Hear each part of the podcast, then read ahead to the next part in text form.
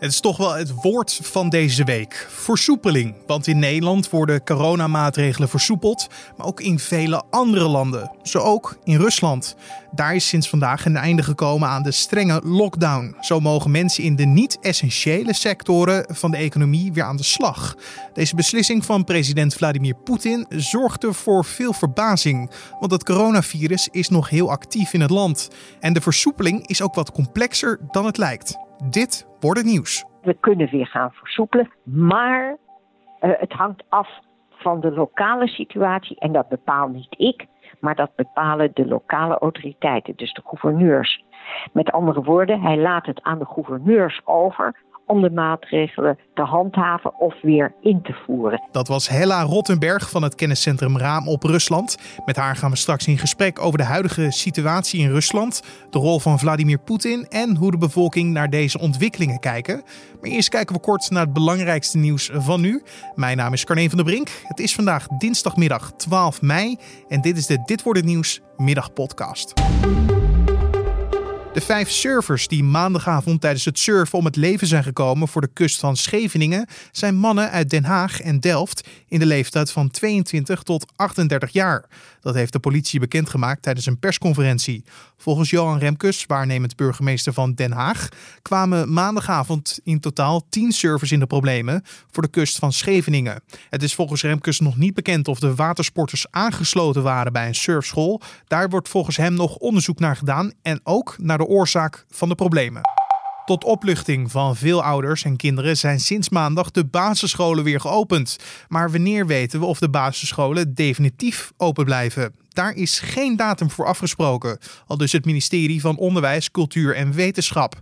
Besluiten over het openen van de scholen nemen we stap voor stap, al dus een woordvoerder van minister Arie Slop van Onderwijs. We kijken steeds op basis van de actuele situatie wat er mogelijk is en wat veilig kan. Als er toch negatieve ontwikkelingen zijn, dan kan het kabinet ervoor kiezen de scholen opnieuw te sluiten. Het RIVM heeft vandaag in hun dagelijkse update 54 nieuwe sterfgevallen gemeld, waarmee er sprake is van een van de kleinste dinsdagpieken tot dusver. Het aantal ziekenhuisopnames steeg met 35 en dat is ook het kleinste aantal tot dusver is gemeld bij een zogeheten dinsdagpiek. Waarom een dinsdagpiek? Omdat er op dinsdagen de aantallen vaak groter zijn. Dit vanwege een tragere informatiestroom naar het RIVM door het weekend. Tevens nam de oversterfte fors af. Dat bleek uit cijfers van het Centraal Bureau voor de Statistiek. En de strafzaak tegen Michael P. over het verkrachten en doden van de 25-jarige Anne Faber hoeft niet opnieuw gedaan te worden. Zo adviseert de advocaat-generaal aan de Hoge Raad. Wel moet het gerechtshof wat het advies betreft opnieuw kijken naar of P. geen strafvermindering moet krijgen. Vanwege de hardhandige manier waarop P. is opgepakt in 2017. P. liep bij zijn arrestatie letsel aan zijn schouder op en heeft hier aangifte van gedaan. Het Hof heeft hier eerder geen strafvermindering voor gegeven. Michael P. kreeg vorig jaar in hoger beroep wederom 28 jaar cel en TBS met dwangverpleging opgelegd voor het verkrachten en doden van de jonge vrouw in 2017. Velen zijn bezorgd over dit land, over het aantal besmettingen en de manier waarop de regering optreedt. Dan heb ik het over Rusland. Criticasters vinden dat de regering te lang heeft gewacht met maatregelen en een lockdown. Nog steeds komen er vele nieuwe besmettingen bij. En de ziekenhuizen zouden nog steeds in kritieke toestand werken. Echter had president Vladimir Poetin een positieve boodschap dat ze de lockdown gaan versoepelen. Zoals ik aan het begin al zei, was dit zeer verrassend als je kijkt naar de huidige situatie. Alleen het is niet zo zwart-wit als het klinkt. Hoe het er momenteel uitziet, dat kan Hella Rottenberg van het kenniscentrum Raam op Rusland ons vertellen. Op dit moment is de, officiële telling staat op 232.000 besmettingen in geheel Rusland. Dat betekent dat uh, na de Verenigde Staten het hoogste aantal besmettingen in Rusland uh, zijn geteld. ja, het, zijn er, het komt in de categorie van Engeland, of het Verenigd Koninkrijk, Italië en Spanje terecht. Dit zijn de cijfers die we nu te horen krijgen. Kan het ook zijn dat er nog een deel van de cijfers of van de informatie die ze hebben, dat ze die achter de hand houden? Nou, daar weten we natuurlijk niet het fijne van. Maar uh, het aantal doden wat gemeld is, is opmerkelijk laag. Dat zijn er 2116 tot nu toe. En bij deze hoeveelheid uh, besmettingen is dat een uitzonderlijk laag aantal. En uh, dat uh, komt ook niet overeen met wat er bekend is over de stad Moskou, waar het grootste deel van de besmettingen zich afspeelt. En namelijk, daar is in, in april 20% meer mensen zijn er uh, gemeten die overleden zijn dan het jaar daarvoor. Dus de oversterfte is daar 20% Dat is dan weer die 20% is dan weer twee keer zoveel als de officiële cijfers aangeven aan overlijdensgevallen door corona. Dus de andere overlijdensgevallen zijn wel gemeld, maar niet als coronagevallen. Nou, als dat uh, het geval is in Moskou, is dat ook elders het geval. En daar is nog een andere aanwijzing voor. Uh, de, een, krant, een onderzoekskrant van de oppositie, Novaya Gazeta, die uh, meldde vandaag dat het Bureau voor de Statistiek, een medewerker van het Russische Bureau voor de Statistiek, hun CBS, anoniem heeft gezegd dat hij aanneemt dat de ziet dat de regionale autoriteiten de cijfers omlaag draaien. Uit angst dat ze verantwoordelijk worden gehouden voor een te groot aantal besmettingen en een te groot aantal doden. Dus ze melden bijvoorbeeld longontsteking als doodsoorzaak. Of uh, zenuw, uh, een zenuwaandoening als doodsoorzaak. Terwijl het hoogstwaarschijnlijk om corona gaat. Die verhalen komen dus nu naar boven. En, en met ook een kritische blik wordt er dus gekeken naar cijfers. Um, er werd eerder al met een kritische blik gekeken naar het optreden van het land en de regering. Um, want ja, als je het hebt over wanneer ze echt bezig waren met de gevaren van het virus en de pandemie, kan je wel zeggen dat ze niet heel proactief waren. Hè? Nee, er is niet heel snel opgetreden. Er is in het begin gezegd van nou, het, het, het ons niet. Uh, wij zijn goed beschermd en uh, wij hebben uh, al afdoende maatregelen genomen. wees niet bang. Het, als het ons bereikt zal het heel klein blijven. En toen heeft eigenlijk de, de burgemeester van Moskou alarm geslagen. En die heeft meteen gezegd dat het een hele serieuze uitbraak is. En dat er veel meer maatregelen moeten worden genomen. En die heeft hij ook zelf persoonlijk ingevoerd. Maar zouden we dan kunnen zeggen dat president Vladimir Poetin en ook ja, zijn regering de boel heeft onderschat? Ja, dat is heel moeilijk uh, na te gaan. Maar uh, ik, ik denk dat uh, ja, Poetin wil duidelijk niet de boodschapper zijn van slecht nieuws. Het kwam hem heel erg slecht uit op dit moment dat die corona het coronavirus ja, allerlei uh, dingen die hij in zijn planning had verstoorde. Dus hij had in eh, februari uh, aangekondigd dat er een referendum, eigenlijk meer een plebiscite, een soort opiniepeiling zou komen in april. Om de grondwetsveranderingen die voorgesteld waren door hem en vervolgens door allerlei parlementen, het, het, nationale parlement, maar ook regionale parlementen waren aangenomen, goed te keuren. En in die uh, grondwetswijzigingen, een van de belangrijkste onderdelen daarvan, was dat Poetin de gelegenheid zou krijgen twee extra termijnen na 2024, wanneer eigenlijk zijn laatste termijn verlopen zou zijn, te mogen blijven, uh, zich verkiesbaar te mogen stellen. En die ehm, bepaling zou uh, in april worden goedgekeurd en dan definitief zijn. Nou, dat kon niet doorgaan. De parade van 9 mei voor de, de, grote jubileum van de 75-jarige overwinning van Rusland, de Sovjet-Unie destijds op Nazi-Duitsland. Daar had uh, Poetin bijna een jaar voorbereiding aan besteed om dat tot een hele grote uh, nationale en ook internationaal evenement te maken. En hij heeft tot half april gewacht met die parade af te blazen. Door daar zo lang mee te wachten, zijn er bijvoorbeeld heel veel soldaten schijnen er besmet te zijn. Want die hebben er allemaal in ja, in grote groepen natuurlijk voor geoefend. Zoals u aangaf, wil Poetin niet het slechte nieuws brengen. Natuurlijk moest dat er wel uiteindelijk komen. Uh, zo werd er zes weken geleden een lockdown afgeroepen over het land. Dat was ook gelijk een van de strengste. Um, alleen Russen met essentiële beroepen mochten doorwerken. Uh, verder kon je alleen de straat op voor een bezoek aan een apotheek of supermarkt. Maar nu, een aantal weken later, heeft president Vladimir Poetin gezegd dat de lockdown versoepeld zal worden. Maar als je nu naar de situatie kijkt, dat is toch heel gek dat hij op, met deze boodschap nu komt. Ja, dat, dat is ook uh, tegenstrijdig. Er zijn uh, de afgelopen etmaal weer 11.000 besmettingen bijgekomen. En de afgelopen weken zie je dat patroon. Elke dag 10 of 11.000 besmettingen erbij. Dus je ziet dat die coronapiek nog niet voorbij is. Dus dat is een gek moment om de strenge maatregelen op te heffen. En te zeggen dat je wel weer aan het werk kunt.